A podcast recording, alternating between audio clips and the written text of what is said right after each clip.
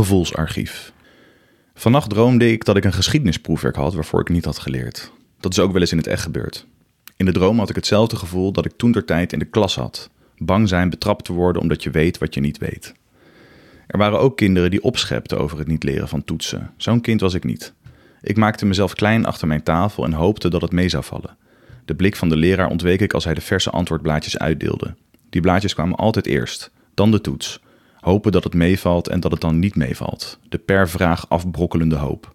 Soms kon ik met mijn schrijfskills om de vraag heen schrijven, of om het antwoord heen, want dat wist ik niet. Maar vaak lukte dat niet en devolueerde de hoop al gauw tot wanhoop.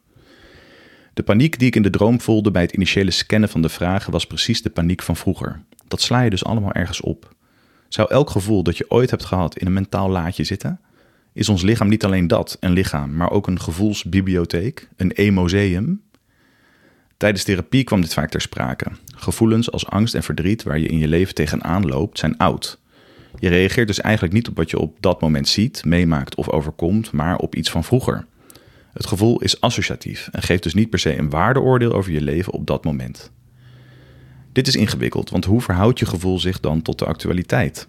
Ontstaat de paniekaanval in de lift daar op dat moment door de kleine afgesloten ruimte waarin je bevindt, de kwijlende roodogige poedel en zijn naar rotte kiwi stinkende baasje naast je?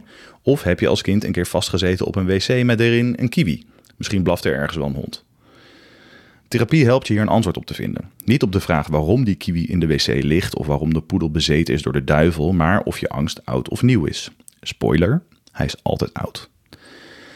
Ik maakte het proefwerk, zoals ik dat vroeger in het echt ook altijd deed, naar beste kunnen. Er waren ook leerlingen, weer anderen dan de opscheppers, die ook niet hadden geleerd of het niet snapten en dan gewoon maar niks invulden. Die hun pen neerlegden, het blaadje naar voren schoven en achterover gingen zitten met hun armen pontificaal over elkaar, alsof ze de leraar iets verweten. Die deed ook maar zijn werk. Ik schreef het blaadje vol, juist als ik de antwoorden niet wist. Ik schreef tegen de paniek in, in een poging het gevoel te onderdrukken.